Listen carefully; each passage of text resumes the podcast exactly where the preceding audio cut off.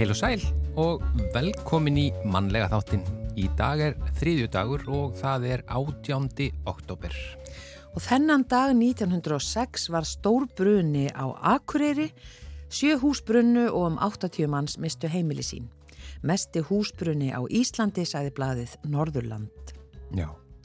Á Seyðisfyrði var vígð rafveita á þessum degi árið 1913 sem var eins og fyrsta á Íslandi sem náði til heils bæjarfélags og var að því tilefni haldinn ljós, ljósaháttíð þegar fyrstu rafljósin voru kveikt. 1922 BBC eða BBC var stopnað í Breitlandi. Hið Íslenska ljósmyndafélag var stopnað í Reykjavík á þessum degi árið 1952 Já, Já. og 1980 ég ætla að vera að koma að hana ég bara var svo að ég var alltaf hugsa um þetta ártal Já. og, og þetta aðeins út. 1980 var sjötta lota kröplu elda. Þar að segja hún hófst þá og stóði fimm daga og var þetta þriðja lotan á sama árin Já, en yfir í efni þáttarins í dag Ilmur Kristjánsdóttir leikona skrifaði fæslu á Facebook í gær sem að vakti mikla aðdegli Það er hún að velta fyrir sér prófum í lesraða hjá skólabörnum og af hverju það sé verið að leggja áherslu á að börn lesi rætt. Hún segist hafa lagt áherslu á börnin sín skilji það sem þau lesa en þessi hraðapróf hafi orðið til þess að, að þau mistu áhuga og sjálfströst í lestrinum. Og það er óvægt að segja að þessi fæsla hafi vakið mikla aðtikli því að henni hefur verið deilt næstum þúsund sinnum og aðtjóðasemdirnar eru næstum 500 þar sem að flestir þakka henni fyrir að vekja aðtikla á þessu og taka undir með henni. Og Ilmur ætlar að koma til okkar að vera hér, hér hjá okkur eftir örfáar mínútur og við ætlum að ræða aðeins við hana hvað hún er að fara með þessu og, og þessi viðbröð, sterku viðbröð sem hún hefur fengið. Já. og svo munu fleiri þættir hér á rás 1 fylgja þess eftir að morgun. Við förum betur yfir það í lok viðtalsins við Ilmi Það er alþjóðlegur dagur breytingaskeiðs í dag og við ætlum að tala við hana Sigfríði Eik Arnardóttur hér og eftir um þetta mikilvæga skeið í lífi hvenna.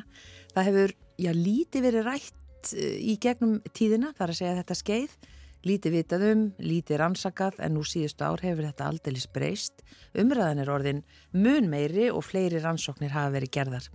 Til dæmis kom í ljós í breskri rannsókn frá árinu 2019 að um ein miljón kvenna á að hættu að detta út af vinnumarkaði fyrir 50 vegna ímessa kvilla af völdum breytingaskeiðsins.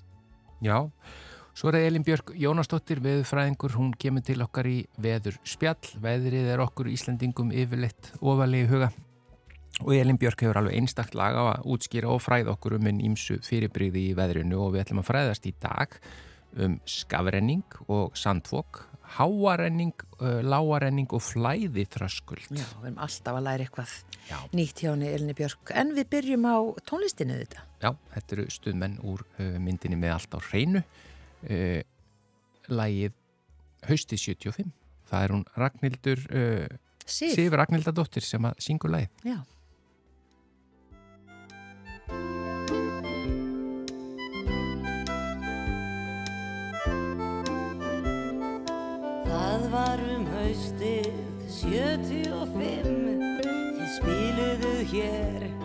Og nóttin var dimm Við gengum saman út með sjó.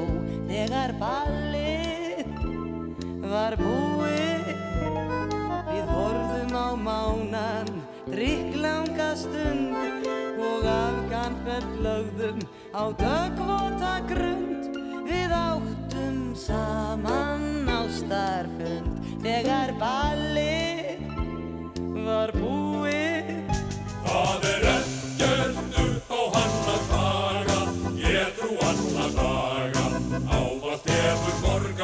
morgan meðlægið Hann er vann við menn og máleið syngja. Létt er ægar skringja Því margvíslegt hann styrkir málefnið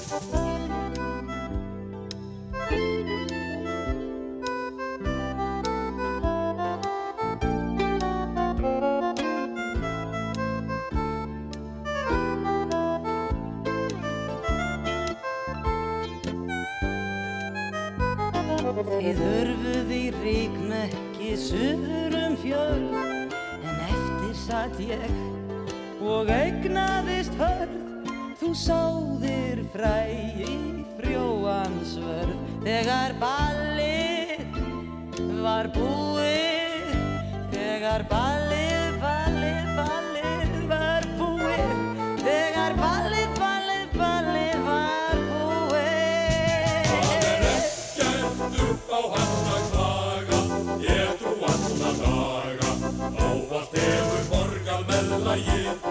er væn við menn og máleið syngja.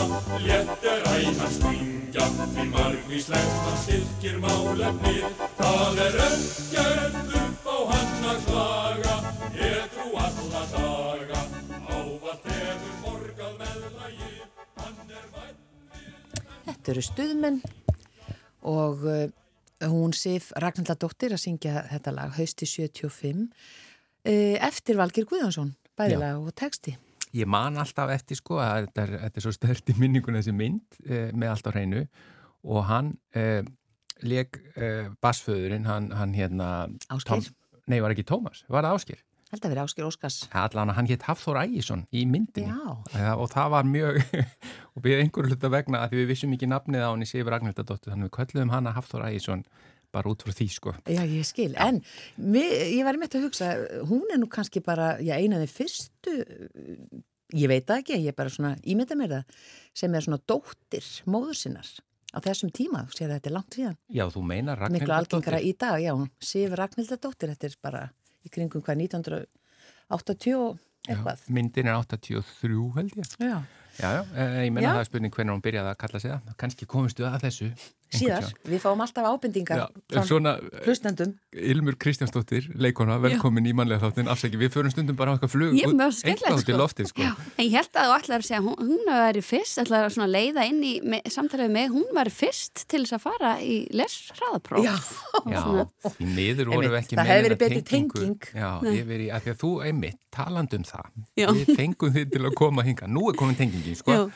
Já. Er, uh, þú skrifaði fæslu á Facebook í gær sem að vakti bara eh, gríðarlega aðtikli Já. og mikil viðbrögð og Já. það bara, eh, eins og þú sagði nú að sýstíðin hefði verið að fylgjast með, hún hefði bara valla séð svona Deilingar. margar deilingar og hún þess að vann með fórsetisráð þeirra sko Þannig, eh, og, og ég segi það líka bara á stuttum tíma, bara um þúsund manns búin að deila þessu útskýruð hvað þú varst að fara í þessari fæslu Já, ég er að segja frá því þarna að, að sonum minn kom heim í síðustu viku með svona lesaða prófið, svona línuritt sem hann koma frá mentamálastofnun og þar sem eru svona viðmið, þrjú viðmið um, um lesraða.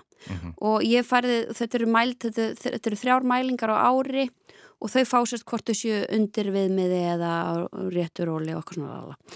Og ég færði gegnum þetta með dóttu mína, hún var líka þrið, þegar hún var í þriðabæk þá stoppaði íslensku kennan hennar með út á götu til þess að segja mig hvað hún læsi fallega og hvað var gaman að hlusta á hana mm -hmm. og síðan, og ég var náttúrulega bara mjög stolt af því og, og, og hérna og síðan fóru engunni hennar að dala því hún held ekki í við hraðan sem hún átti að sagt, sína í þessum leshraðaprófum og við vorum alltaf bara í heimalestri að einbett okkur af þessum bara, bara fagurfræðinni að lesa fallega og skilja skilja það sem hún var að lesa Já. en ég sá líka áhugan hjá henni Dala þetta var, þetta var svona þú veist, eitthvað sem var bara leiðilegt En tengdur það við það að henni fór að ganga verð, það er að segja að því, að, að því hún datt aftur úr í hraða? Já, sko, að því bara þe- þessi, þetta, í rauninni þetta engunagjöfin, eða sem þetta, þú veist, þú færð þessi skilabóð, þú sért undir viðmiði, Já, já. sem er bara eins og við höfum aft, maður haft heyrt þessi mentaðum sem voru, voru í gamla dag og þessi lestræðapróf voru í gamla dag og þessum bekkjum var skipt eftir getu og eitthvað svona rugl, þar sem að, sko, sjálfsmyndin er rauninni broti niður að óþörfu já. og út af einhverju svona, einhverju, einhverju flokkakerfi og þetta er alveg að sama og síðan er strákurinn minn komin í þriðabæk núna og við erum og hann er svona, hann er myndið að byrja að læra og það er svo gaman að fylgjast með honum vera að lesa og hann er að byrja að skilja orðin.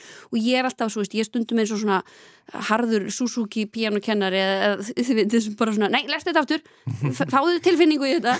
Og hérna og hann er að byrja svona, sé hann það er svona vaknar hjá honum þessi tilfinning fyrir orðunum. Já. og það er svo gaman að fylgjast með því. Og ég var nýbúin að rósa honum fyrir þetta að, að hvað hann læsi fallega og hvað hann var farin og, og hann var sjálfur, ég var að spyrja hann finnst þetta ekki ga, miklu skemmtilega að lesa svona?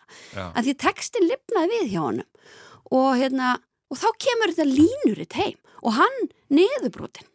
Að því að hann var ekki á einhverjum kúrfu. þá hafði hann farið aftur. Hann las í rauninni færri orð á mínútu heldur hann hafði gert í mæ Já, og þú veist bara sumarið eða bara eða kannski var hann bara rosalega mikið að vanda, sig, já, eða, og, en þau eiga basically ekki að stoppa við punta í þessum lesraða bara, þetta, og ég bara, ég skil þetta ekki og ég, ég fekk svolítið og þegar hann rétti mér þetta próf og hérna þá fauk svo í mig, ég reyði það fyrir framann hann og hann var náttúrulega mjög hissa á þessu. En hérna, En kannski gladur. já, hann var ég sá alveg að fóru úr honum skömmin, sko og hún fannst þetta svolítið svona sk- skrítið. En, en síðan nefnilega, svo, svo vorum við að fara yfir að því hún er að fara í fóldraveitali í vikunni og við vorum að fara yfir svona, svona blað hvernig hún liði í skólanum og hvað hann myndi vilja bæta. Og þá náttúrulega hvað viltu bæta? Og hann segi ég vil lesa raðar auðvitað er það bara já, já. Bara eitthvað svona kapsmál. já, auðvitað vil hann bara lesa bara búið að fá þau skilabúið í skólanum maður lesi ekki nú rætt En þannig að þú- maður er líka svona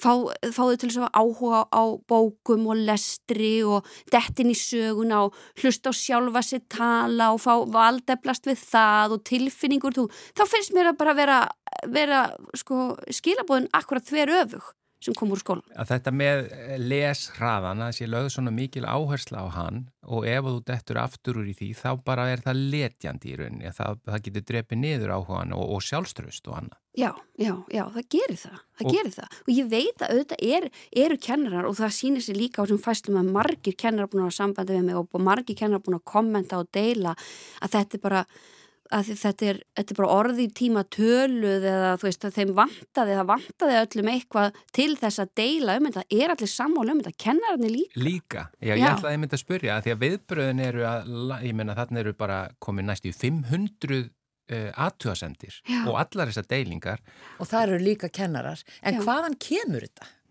Veist, eða Sko, veit fólk hvaðan þetta sístem kemur greining? kemur frá mentamálastofnun. Já, en er það að erlendri fyrirmynd eða hvað, hvaðan Um, kemur þessi...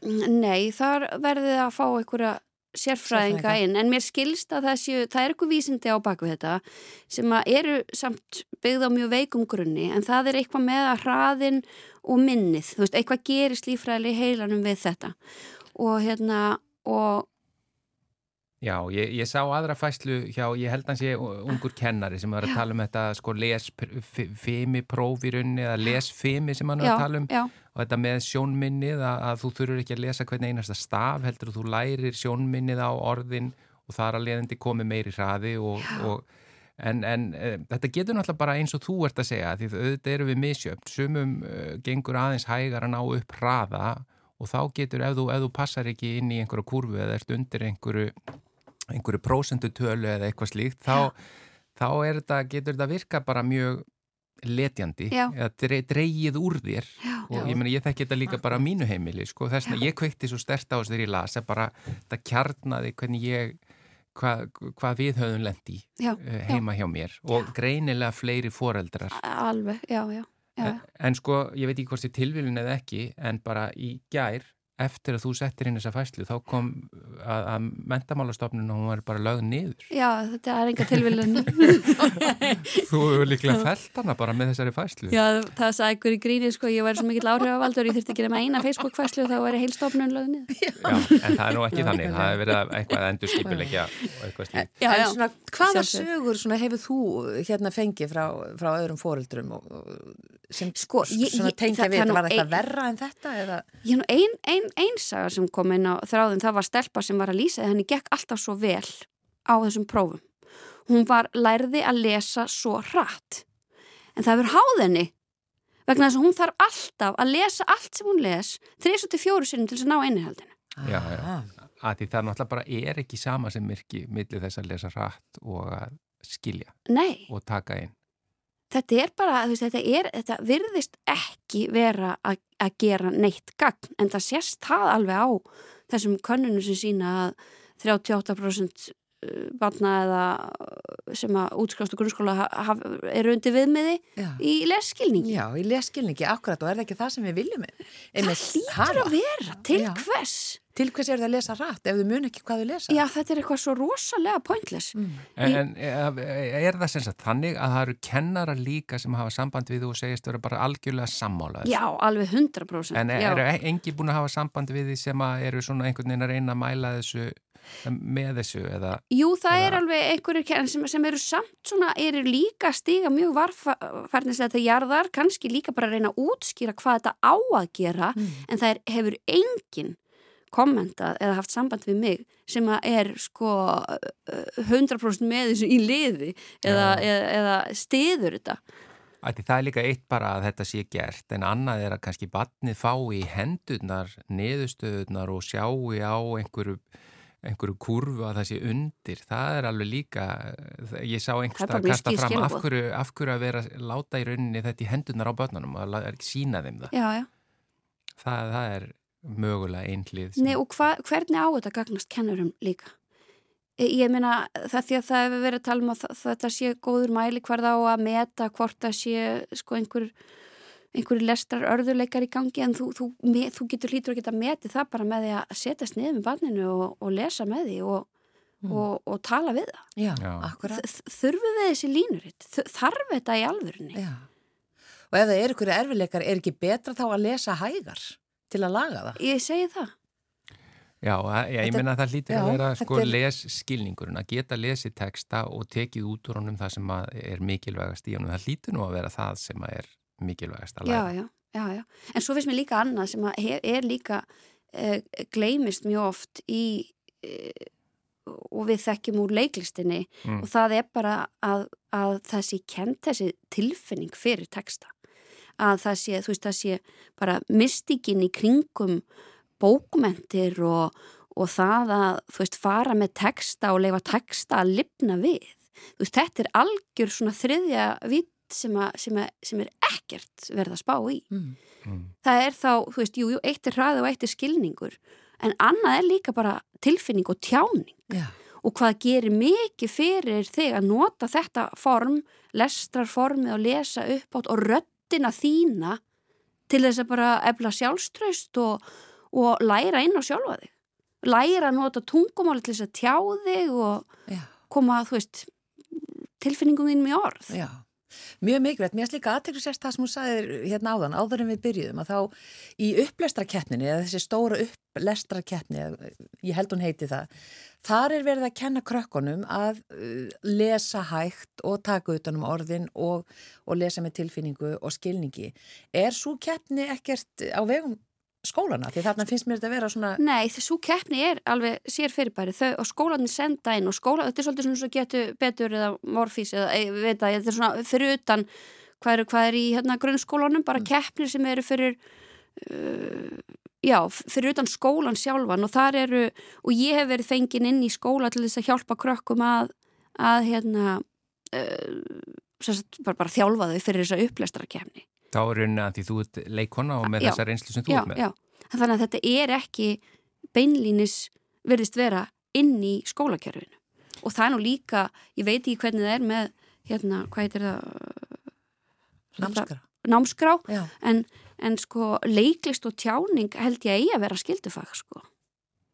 En þú hefur, allan að augljóst mál. Margar hliðar á sig, já. Að, þú hefur hitt á einhvern streng þarna í- hjá ansi mörgum Já, og það er, þannig að við gerum oft svona, svona grín í leikúsinu sem, að, sem brandara sem að þú ætlar að botna já, að það besti eiginleikari eða hvað þarf til þess að gera góðan leikara að það er æfing. Nei, Ég man það ekki, það er svo langt Já, í lifum. Hvað var það? Það timing? Tæming Tæming, já, það, það er í gríni, já. já. Já, nákvæmlega, en við ætlum að benda bara á að það voru fleiri þættir hér á ráseitt sem að gripu þetta á lofti að Já. þetta greinilega hitti í, í, í, í marga. Eh, Á morgun í samfélaginu þá eh, kemur Svafa Þórildur Hjaltalín, læsisfræðingur, grunnskóla, kennar og verkefnastjóri við rannsóknarsetur um mentun og hugafar. Já, og svo í fyrramálið á morgunvaktinni þá kemur hann Hermundur Simundsson, professor í sálfræði við Háskóli Íslands og Norska tækni og vísinda háskólanum í þrántimi. Þannig að það á að ræða þetta e, bara áfram. Já, Og vonandi bara hefur þetta af stað. vakið umræðu sem að hérna, uh, skilar einhverju. Og, hérna, já, ég vona fræðarsamfélagi taki þessu líka einhvern veginn er bara fagnandi til þess að umbylta þessu, þú veist, það eru allir foreldrar uh, í þessu liði. Það, það viljum breytingar sko. Já, Ilmur Kristjánsdóttir, takk hjalla fyrir að koma og segja okkur frá hér í manlega þættinu.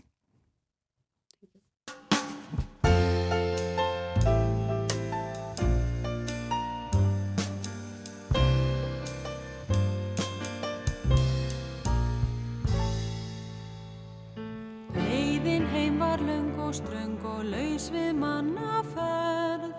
Nú mun kvöldsvalin í kyrðinni býða Ég finna þreytan bugar mig til þín ég leita verð. Þegar að mér setur einsemd og kvíða.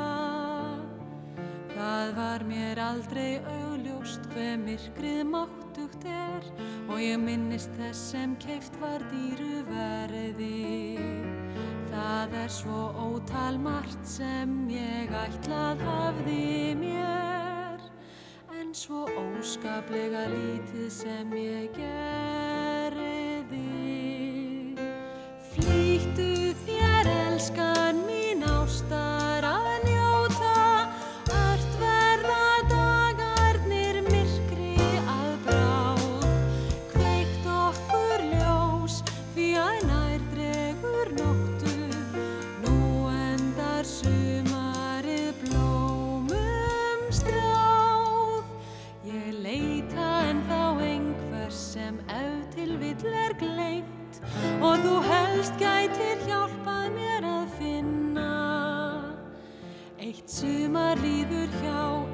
Svipin endur heint Sannur draumur um það verk sem átt að vinna. Þú byrtist kannski áður en bláleit rökkur stund. Bregður slæðu yfir gulnu tún og engi. Kannski hittumst við af tilviljun, eigum endur fund. Einhver hljóm við sláum þá á hjartan strengi.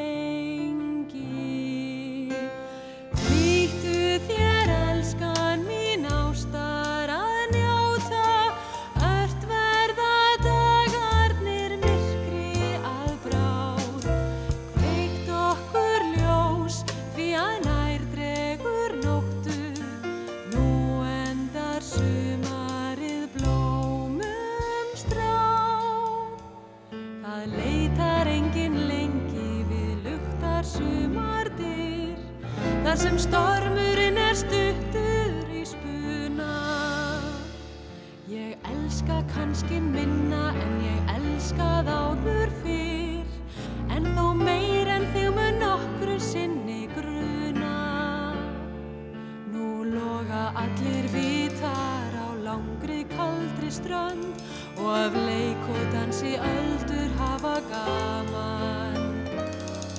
Það eitt sem skiptir máli ástar þrá og vinabönd er til staðar og við getum verið saman. Flýttu þér elskan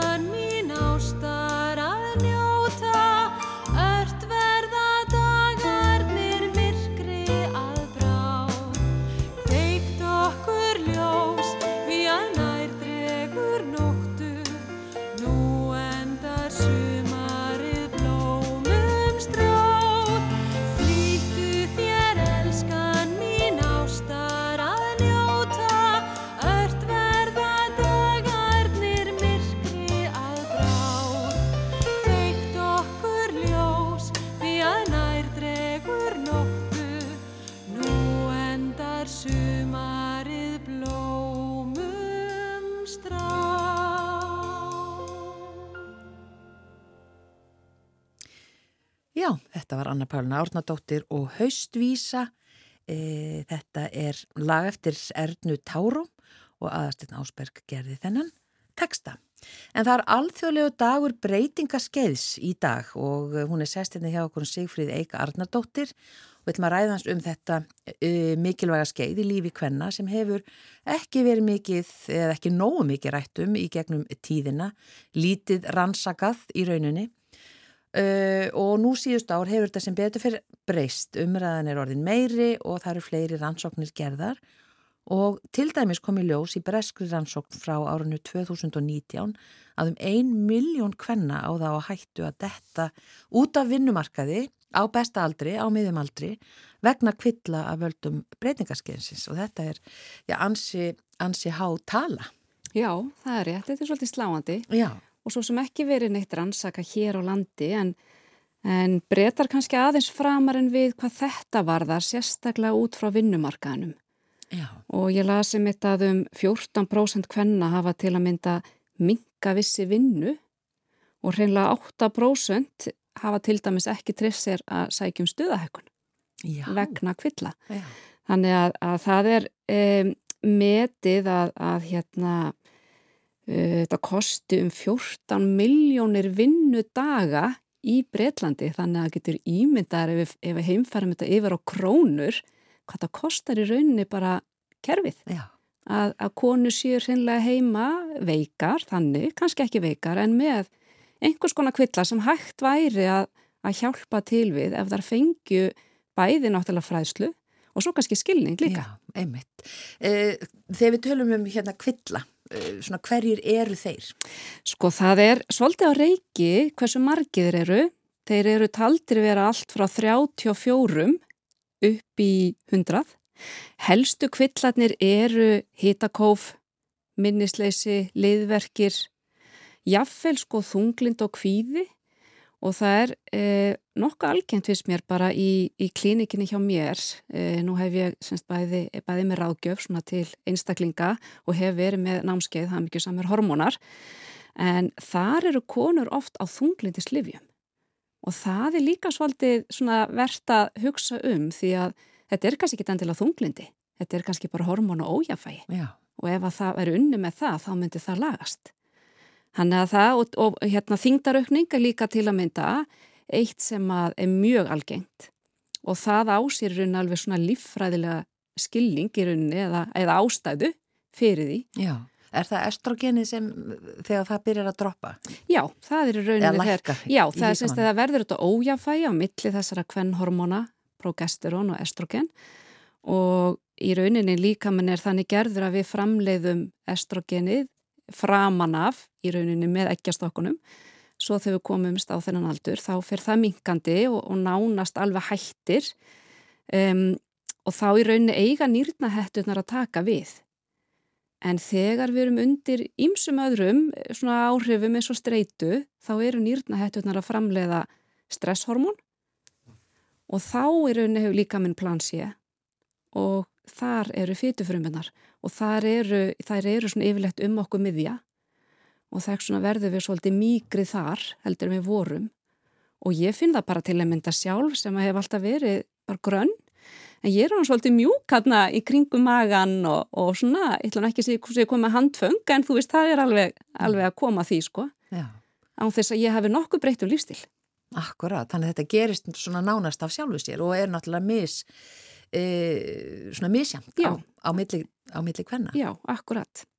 Og það sem að kannski svona er gaman við í raun að sé komin einhver dagur þar sem er svona verið að vekja aðtikla á í rauninni þessari umræðu þó svo að þessi dagur er búin að vera til síðan 2011 en við höfum kannski ekki bara kveikt á því fyrir nú Mm. og það kannski finnst mér svona næsta er svolítið að, að fara með þetta út í fyrirtækin að fyrirtækin svona síni skilning á þessu og það er einmitt nokkuð upplugt í Breitlandi hvað það varðar. Já. Þannig að þau, þau kallast á að vera á ennsku heitið að mena posal friendly, þar að segja séu svona vinalega gagvart þeim sem er á breytingaskeiði. Mm. Þannig, þannig að það er pínu áhugavert. Já, það er mjög áhugavert, en það er líka þetta með, með heilbriðiskerfið í rauninni að því að já, konur hafa e, ránglega, já marga hverjar verið greindar kannski með þunglindi eða kvíða þegar í raun kemur að það er þetta hormona ójátmægi sem hægt er að laga með þá inngjöf Já, eða semst að það er einmitt. fái hormona, en svo er það hinn hliðin að það er, það er ákveðin hluti uh, hérna heilbriðis kerfisins líka sem segir að hormona séu ekki góðir fyrir mann þannig að svona hvar Já, hvar á auðvitað- maður að lenda þarna? Já, já, einmitt, auðvitað svona, sko það er alveg um, stundum er nöðsöld að, að þurfa að, að fá hormona þó svo að hérna, um, svona, kannski eðlert að byrja að horfa fyrst á bara næring og lífstíl sem slíkt því að maður getur gert heilmikið með réttri næring og réttum lífstíl. Mm. en, en það er líka fakta í raun að þegar við eldumst þá um, eru við til að mynda konur í meiri áhættu fyrir hjartaáföllum heldur en kallar kallar eru meira áhættu fyrir ferstugt við eru eftir breytingaskeið Mm. og það er út af estrogeninu því estrogeni hefur svona þessi vendandi áhrif á hjartað og æðarnar okkar og passar æðarnar séu tegjanlegar en svo þegar það fyrir að minka þá í rauninni getur það orðið þess að, að við erum viðkvæmari fyrir þessu og einst bara líka beinþynning Já. sem er náttúrulega í rauninni bara frekar svona hættuleg sem slík því að það er ekkit grín í rauninni að brotna, brotna og, og hérna beinin í rauninni er náttúrulega bara lifandi vefir að og þessar svona beineiðandi frumur það er verða þá í meira mæli þegar við eldumst Mm. að og þekk svona fáum við beinþýningu. Þannig að svona, það sem mann kannski myndur svona óska eftir um þetta er að heilprískerri myndur svolítið að horfa ánáttúrulega forvarni líka sem og þó rétta meðhöndlinn sem hægt er að gera bara með náttúrulega bæði blóðpröfum að testa hversu, eh, hversu mikil hormóni eru bara í, okkur í blóðinu sem og önnur svona hormónatest sem að hægt er að gera. Já, en svo það, eða, sko, hvað er kent um, um þetta skeið, ég bara til dæmis í læknanámi, hjúkunafræði, e, svona margar konur hafa talað um að þær fari aftur og aftur og með einhverja kvilla er átt að sig ekki á því kannski að, að það er ein reglif, já, yfir þessa kvilla sem er hérna breytingaskeiðið og áhrif þess. Já, það En, en, en svona, já, heil, heilbriði starfsfólk virðist ekki oft vera vel upplýst, Nei. heldur. Nei, það er alveg hár rétt sko og það hafa þó verið að koma núna lækna sem hafa verið að sérhafið sér í þessu en bara til að mynda margi kvennsjótamaleknar er ekkit endilega sérhafðir þarna auðvitað eru læknar mismunandi en, en það verið svona vera með kannski svona yngri kynnslóðinni að það sé að koma læknar sem að hafa mikinn áhuga á og eru svolítið að sérhafið sér í í raun að hjálpa konum á þessum aldri. Mm. Þannig að það er líka frábært og ég hef verið að vinna til að mynda með hönnulilju hjá Gina Medica Já. sem hefur einmitt verið að sérhafis í þessu. Akkurat að því að í rauninni þá líka þurfa yngri konur að vita já, meira ákverðu það er eiga von eða sagt hvað hérna enginni geta verið vegna að þetta kannski fer ekki alveg eftir því, já þetta er ekki endilega eftir færtugt, þetta getur líka að byrja fyrr. Já, einmitt. Það er, það er talið sko að eina hverju hundrað byrjir raunni fyrir færtugt og ef að náttúrulega svo sem uh, leigiði tekið og ekki stokkarnir þá fara þar beint í raunni tíðakvörf og það er mjög svona harkalegt ef að, þegar það gerir sko Mm. og það er náttúrulega að trýta svo sem með uh, hormónum. En það er þetta svona læði svol, svolítið upp að okkur, við áttum okkur, ekkit áendilega hvenar þetta byrjar. Það er svona, maður vaknar allt í hennu upp með annarkort liðverkina eða, eða farin að sofa illa eða hita kófin og þá fer maður að hugsa, jú, allir sé komin á breytingaskeiði. Mm. Af því að þetta er langt tímabil, þetta er að meðaltali allavega fjögur ár, getur verið upp undir tíu ár og meðal aldur við það að fara í tíðakvörf sem þýðir þá að, að konið þá hætt á blæðingum er 51 ás. Já. Þannig að við getum með mitt verið á besta aldri lífsokkar í rauninni að ströggla við þetta með börn, annarkort unga og úlingsárum, um, margar hverjar í fullri vinnu.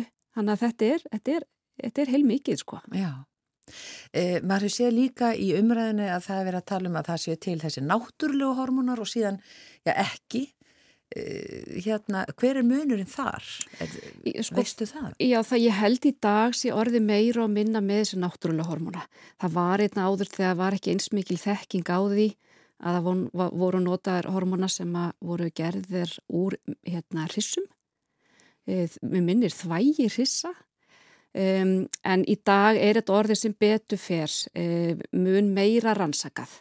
Þannig að, að svona, ég held að, að ég veit svo sem ekki hvað læknar er þess að hér á Íslandi en svona tilfinningin er að við séum nokkuð framalega þar. Mm.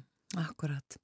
Og svo er bara margir sem vita ekki hversu af, svona alvarlegar afleggingar þetta eh, ég getur haft, eða það er að segja þessir kvillar af völdum breytingarskeiðis og þessi, alþjóðlegi dagur í dag hann er nú einmitt svona til þess að vekja aðtikla á því. Já. Er ykkur sérstök yfirskrift eða er þetta bara eh, svona frá að til öð? Nei, það, það er alltaf valið þema í raunni þannig að yfirskriftin í ár er heilaþoka og minnisleysi. Og það er líka svona kannski áherslu því að því heilaþoka er svolítið nýtt orð hjá okkur eftir COVID-ið. En það eru margar sem að upplifa svona, já, þessa heilaþoku á þessum árum en telja bara að það sé eitthvað að þeim allt annað. Og til að mynda minnisleysi um, sumar fara að fá kvíða því þar halda sér hreinlega bara eitthvað allsamur að byrja. En það er alls ekkit oft þannig. Þetta er í rauninni bara hluta af þessu ferli og yfirlegt á jafna líka með sig á þessu hann er í rauninni bara að fara í gegnum þetta skeið og nokkurum árum eftir að tíða hver verða þá á líka mann að vera búin að jafna sig á þessu Hmm. Akkurat. þannig að það er alveg von sko Það er von, já, ég veit að það eru margar konur að hlusta okkur núna og, já, og er ánæður að heyra það. Eh, en hvað svona þessir hamingjusum hormónar, þetta sem þú hefur verið að kenna, eh, getur aðeins bara svona að lokum sagt okkur frá, frá þeim námskeiðum? Já, og það hafa verið nefnilega ótrúlega vinsal námskeið sem að e, standa núna yfir í sex vikur, þannig að ég er rauninni bara með fyrirlestra e, og þemað í hverjum fyrirlestra er þá vist efni. Þannig ég byrja aðeins að bara kynna í rauninni hvað er að gerast í líkamannu því ég held að það sé gott fyrir okkur að vita það. Þá erum við svona skillisríkari gagvart sjálfrum okkur. Um, og svo fyrir við gegnum náttúrulega næringuna, fyrir við gegnum svefnin, streituna, e, blóðsíkurinn sem hefur náttúrulega mikil áhrif uh, og svo kíkjum við aðeins á hvort við getum nota einhver bæta efni og svo náttúrulega efni sem er í umhverfinu sem að heita sín og estrogen sem er þessi svona efni sem erum stöðut að innbyrða í raunni hvort þeirra gegnum ímiskona mat eða öndum að okkur og það hefur áhrif á hormónun okkar því að líka mann heldur þetta séu hormón og aktar sem slíkt en þetta er í rauninni e, e, þetta er í rauninni ekki, ekki réttu hormóni sem við viljum eða til að bústa réttu hormónin. Mm. Þannig að það er líka alveg þess virða að skoða hvað maður er að bera á sig eða, eða borða. Já. Aðtiklisvert, kæra þakkir fyrir að koma Sigfríð Eik Arnaldóttir og, og, og ræðum þetta mikilvæga skeið í lífi hvenna, nú fáar konur kannski sem sleppa við þetta en bara kæra þakkir og það er Takk þessi eins og við sögðum, alþjóðlegur dagur breytingaskeiðs í dag. Takk fyrir komuna.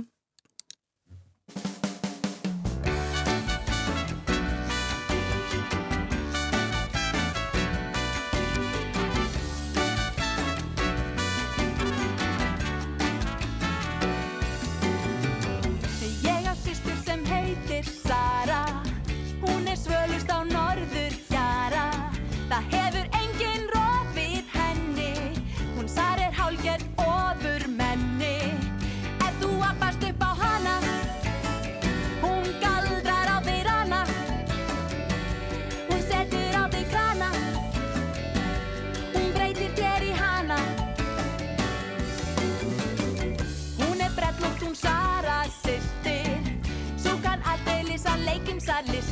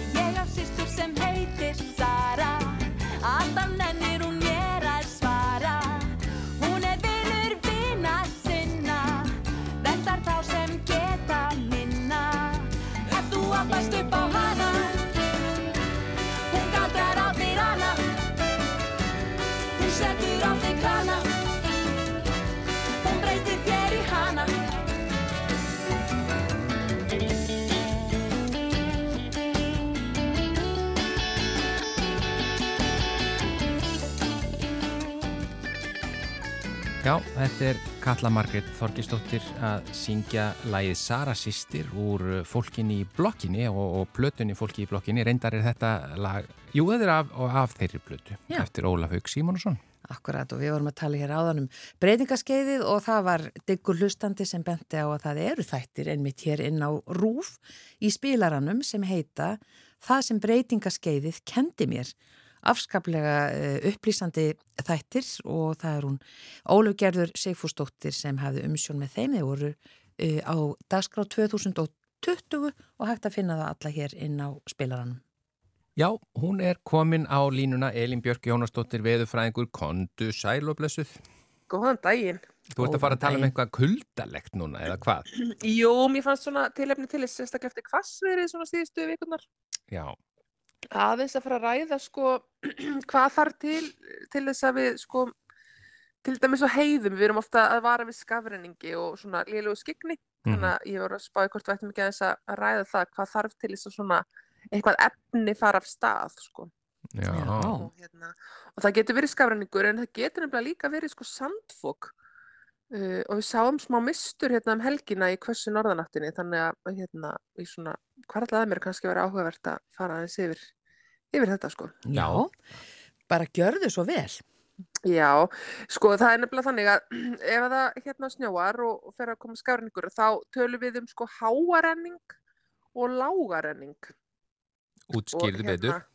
Já, og sko lágarenningur, það er svona þessi, þessi hérna, skafrenningur sem að næri kannski ekki nema svona einn meter eh, upp, sko, og er ekki mikið að, að tröfla skegni, en getur alveg, alveg orðið til þess að, að þú veist, að sapnast eitthvað fyrir á vegum.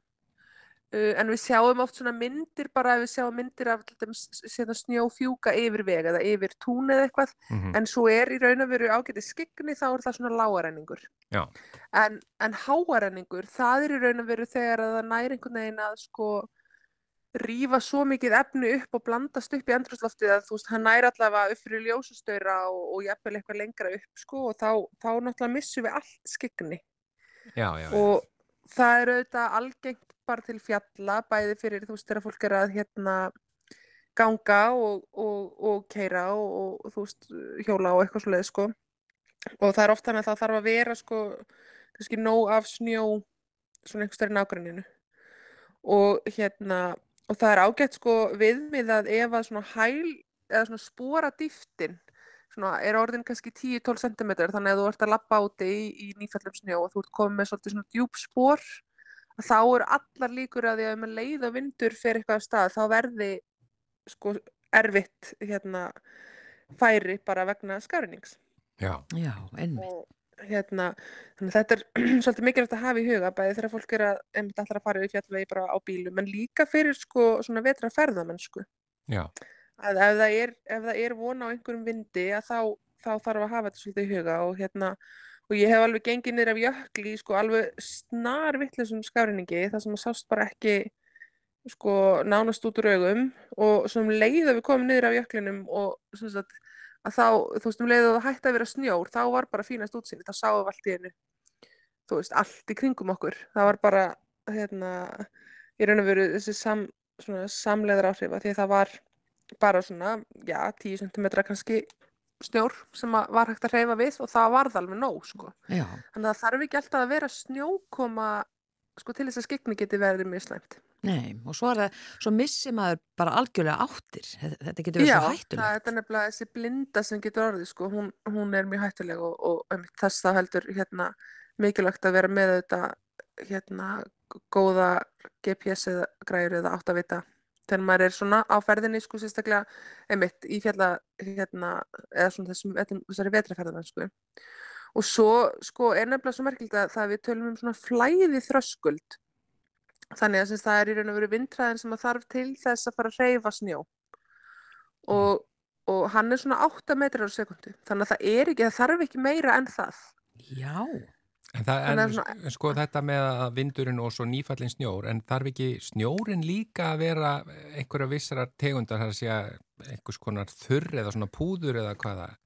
Jú, hann þarf auðvitað að vera sko, hann þarf að vera til til að léttur en svo eftir því sem að sko uh, eftir því sem að hérna vindur eikst að þá getur hann alltaf tekið upp meir og meiri eða þingri og þingri snjó. Já, þannig að þetta er alltaf verst sko einmitt ef það er nýfallin snjór, svona púðursnjór ef það er búið að vera mjög kallt eða er sko ef að snjóar í talsverðið frosti þá er sá, sá snjór sko með svona mjög, hann er eðlisléttur. Já, og þá getur hann skafið alveg, alveg ótrúlega hratt. Og sem sagt, þessi flæði þröskuldur hann er svona 8 metrar á sekundu þannig að það þarf ekki meira en það til þess að, að maður geti mögulega mist mikið skegni ef það er mikið púður. Og svo er nefnilega hérna, það sem er eiginlega enda verra er að ef að snjórinn er farin af stað að þá þarf ekki nema 5 metrar á sekundu til að viðhalda skafrenningnum. Já, Já, það er ekki Þannig sem sagt- vindur. Nei, þannig að, þannig að ef maður er, sko, ef maður er einhvern veginn að sæta færis af því að, af því að hérna, þú veist, vindur er að ganga niður, þá þarf maður að hafa þetta svolítið í huga, sko, það þarf að fara alveg niður undir 5 til þess að skafrenningur hætti eða þá að, að hitastíði þarf að hækka. Að ef hitastíðið hækkar upp fyrir frostmarka þá einmitt svona kemur bráð í snjóin og þá verður hann ekki svona, hérna, svona léttur, sko. Þannig að, hérna, það er eitt og annað sem þarf að að hafa í huga og þetta er svipað með sandfók að hérna ef að fólk hefur verið sko upp á með hálendinu til dæmis að sprengisandi á sumrin þá er svo ofbúðslega fínt svona jökla hérna set, jökulset yfir söndunum, eitthvað sem hefur bara til dæmis borist með ám og svoleið sko. Að maður er hérna einhvers staðar í nágrunni við til dæmis herðubreið og þar að þar og hérna við ódáðarhraun það sko það er sandfók þar bara í nánast logni af því það er svo ofbúðslega fínt set sem að er efsta lagið í kringum ána þannig að hérna, það þarf ekki nema kannski 5-6 metrar til að það set fara af stað. Já, og svo alltaf eftir því sem að vindurinn eikst að því svona stærri verða agnirnar sem að fara. En það er rosa svipað. Það er þessi flæði þeirra skuldur sem er svona almennt 8 metrar og svo þessi viðhalds hérna, vindur sem að er, er lægri. Og hérna og við sáum nefnilega núna um helgina að mjög kvast hérna á laugadaginn og aðfara nátt sunnudags hvers norðanátt á landinu. Og það var skafrenningur og, og snjókoma svona á efri fjallvegum og, og slitta í byggð fyrir norðan En hérna í Reykjavík þá fór allt inn að sjást svona, það var svona mistur og kom viðratöðun frá Vestmannegjum þar sem að var bara samt hérna fók sko. Þannig að sunnanvert hálendi þar sem ekki er snjór, þar greinilega náði norðanáttin að, að rýfa upp sko uh, einhver svona, einhver, einhver svona hérna reik og, og sand og, og, og slikt sko og, og fór með að stað. Já, En þetta með að sko skafreiningurinn hann getur haft svo mikil áhrif á færðina og sérstaklega þetta á fjallvegum eða, eða heiðum. Eru þið Já. farin að sjá, sjá skafreining og þessar aðstæður fyrir með lengri fyrirvara en áður upp á það? að- Já, það er þetta búið að gera svolítið af svona, uh, einmitt, þe- þetta kemur úr rannsóknum, þessir flæði þröskuldar og svona þessi pælingum hvað, hvað þarf til og svo er sem sagt um, nokkur ár síðan þá þróað svona skafræningslíkan og það er ekkit, ekkit rosalega nákvæmt en það gefur okkur samt alveg ótrúlega góða mynd af því hvenar við erum að búast við skafræningi, af því þetta skiptir líka alveg ofbáslega miklu máli í ofanflóðaspám. Í snjóflóðspám vegna þess að það skiptir mjög miklu máli hvenar snjór er þannig að hann skafi og skafi þá inn í ákveðin gíl og farvegi. Þannig að það er eitt af því sem að snjóflóðsérfræðingar fylgjast rosalega vel með já, já, já. um, það er einmitt hérna, hvernig er sporadýftin og, og svo eru tekna grifjur og meti hvernig snjórin er sagt hvernig hérna kristallarnir eru og hvernig stöðuleikin í snjónum eru og annað slikt sko og hérna og, og svo er fylgst með því hvort það skafi af því það, það verða alveg oft sko verða til aðstæður þar sem að snjóflóð geta fallið þó að það sé kannski ekkit ofbáslega mikil ofankoma af því að þá er bara snjór einhver starf annar staðar sem flist til og flist inn í gil sem að geta verið hættuleg. já. Er, er ekki merki sem er notað í veðurspám eða á svona veðurkorti fyrir skafreiningi? Er það ekki þannig að píla til hliðar og upp? Eða hvað, svona tvær pílur í kross? Jú, já, og hérna, sem sagt, við notum eiginlega alltaf bara eitt merki eins og í hérna uh, sjónvarpinu, en það er nefnilega, það er í raun og verið mismundi merki til fyrir þannig háarenning renning og lágarenning Já, ok. og hérna, þannig að þrjár pílur eru háarenningurinn og, og svo var ein bara, hérna, neila kross hérna, lágarenningurinn, en, en við erum svo sem ekki þegar við erum að vara við á, til dæmis á vegum og svona, þá erum við nú ekki að gera mikinn greinamun þar á að því að lágarenningurinn, hann, þó hann sé svona þægilegur upp á skiknið, þá getur hann auðvitað alveg valdið bara söfnun, sko, á Já. vegunum. já. Ég ætla að slá mig næst á leiðinni norður með þessum lágarenning og háarenning. Já. Já, Segja, já, mér þetta er einmitt sýnist eitthvað þetta svona- vera lágarenningur.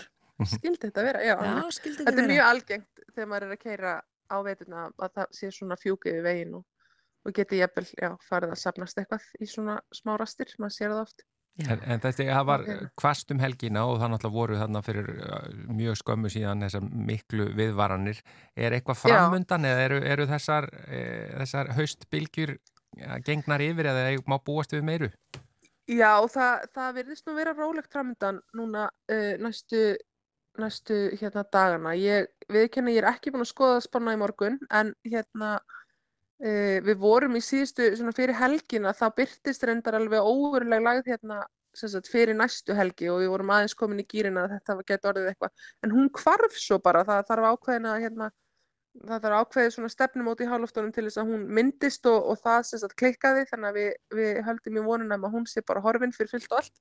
Nánægilegt að Og- heyra. Já, mjög. Og, já, Ég veit að þið eru hérna- öruglega er minna bara- spennti við að hverfi eða hvað. jú, þetta er orðið ágætt, sko. Nú, já, já, gott. Við, hérna, já, já, við, við, við þurfum hérna, að vera ágætt að, og svo verður alltaf lengt um helgar sem er náttúrulega eðilegur plön hjá öllum, hérna, þessi ve veður, sko, þannig að þetta, við, þetta er búið að eðilegja, hérna, helgar plön þjóðarinnar núna, allavega tvisvar, Já, ef ekki þrísvar, þannig að ég held að það sé orðið ágætt, en það er svona lítur út fyrir að verði bara alveg þokkalegasta, þokkalegasta ró framundan í veðrinu. Já, já. Og reyna endilega að beina þessu inn á bara miðja viku helst á nóttinni. já. Já, ekki? Geti ekki bara gert það? Já, bara, ég ætla bara að setja inn gott orð hérna. Já, einmitt, komið út í kosmosið. Já. Já. Kæra þakkir Elin Björk Jónasdóttir, veðurfræðingur og heyrum aftur í þér næsta þriðidag. Segjum við það. Takk, takk. Já, bless. Já, bless. Já, þá er bara þættinum lokið í dag. Já, við þökkum samfélgina og verðum hér aftur á morgun á miðvikudag. Já, en við byrjum, eða minnum aðeins á aftur að í framhalda þess við, við talið við Ilmi Kristjánsdóttur, þá verður talað á morgun við Svöfu Þórildi Hjaltalín, læsisfræðing, grunnskólakennar og verkefnastjóra við rannsóknarsetur um mentun og hugarfar, semst í samfélaginu og í morgunvaktinni við Hermund Sigmundsson, prófessor eh, meðal annars við Norska tækni og ví- vísindaháskólan í Þrántemi. Já, við vorum að tala um svona þennan lestrar hraða sem allt verist vera meða við og börnin fara heim með, með svona línuritt úr skólanum um það hvernig þau stóðu sig. Þannig að e, það eru margar hlýðir á svo og þörf á að ræða. Já, en takk innilega fyrir samfélgin í dag. Verðið sæl.